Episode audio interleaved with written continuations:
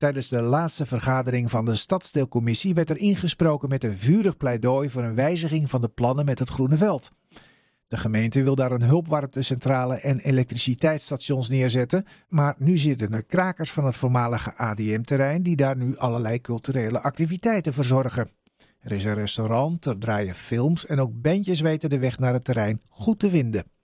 Ook kunnen ze het goed vinden met de buurt, dus willen de ADM'ers graag blijven.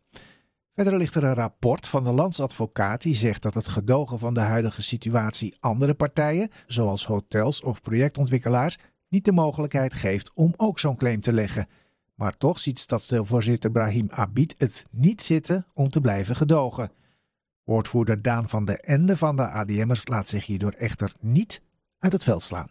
Ik hoor Ibrahim vooral zeggen dat hij uh, niet voor het is van wonen buiten de ring. En niet specifiek zegt dat hij het niet ziet zitten dat wij er zijn. Maar hij zegt heel specifiek dat het besluit niet bij hem ligt, maar bij de centrale stad. En ik hoop eigenlijk dat hij meewerkt dat dit uh, onderzoek.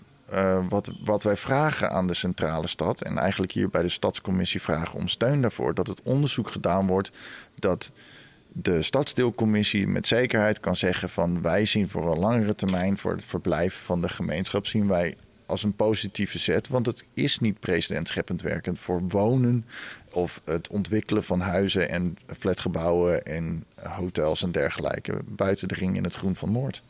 Maar Brahim Abid zegt dan van ja, dat zegt uh, Pels Rijken wel, de landsadvocaat. Maar ja, je hebt ook nog te maken met de politieke realiteit. Uh, ik uh, zie er eigenlijk helemaal niet zitten. Ja, maar ik denk in dat opzicht dat op een bepaald punt maakt de gemeente keuzes over hoe ze de toekomst zien en hoe ze denken dat ze dat kunnen aanpakken.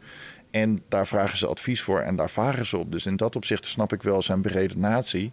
Maar ik denk toch dat de politiek uiteindelijk zegt van nou, wij vertrouwen dit advies en wij varen erop. En heeft u in de reactie van Brahim Abid ook iets gehoord van een wil dat hij inderdaad is bereid is om dat onderzoek te laten doen?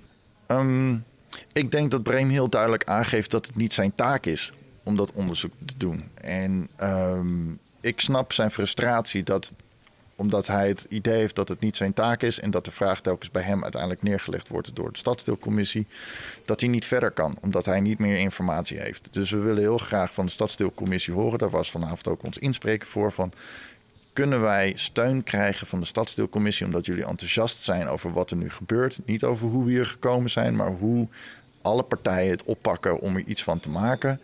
En uh, kunnen wij dat meenemen naar de centrale stad, zodat de centrale stad het idee heeft en het signaal krijgt van de stadsdeelcommissie dat ze iets kunnen met een project uh, vrijplaatsen. U wilt een ongevraagd positief advies van de stadsdeelcommissie? Ja, ik denk dat als dat de, correcte benaming is, dan zou dat heel fijn zijn. Goed. Ga ik eventjes naar uh, uw buurvrouw. Eline Varit, uh, u heeft ingesproken namens de buurt, hè? het uh, JEN, een vereniging die zich inzet voor de belangen van de buurt.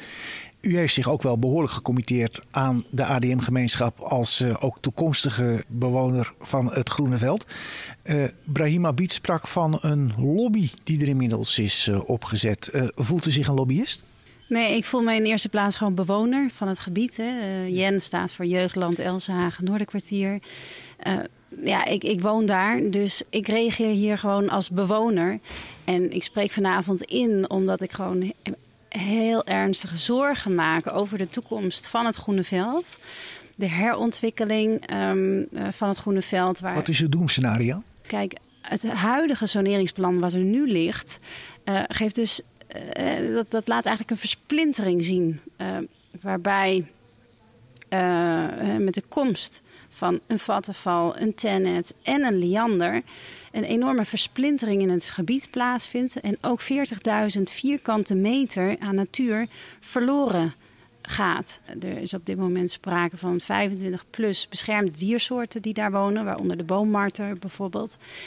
En dat, dat is natuurlijk onacceptabel in deze tijd. En dat terwijl er een fantastisch alternatief ligt uh, uh, en daar, dat is ook ons verzoek geweest vanavond, om die haalbaarheidsstudie te starten naar de, uh, de P plus R. We kennen allemaal de parkeerplaatsen bij Station Noord.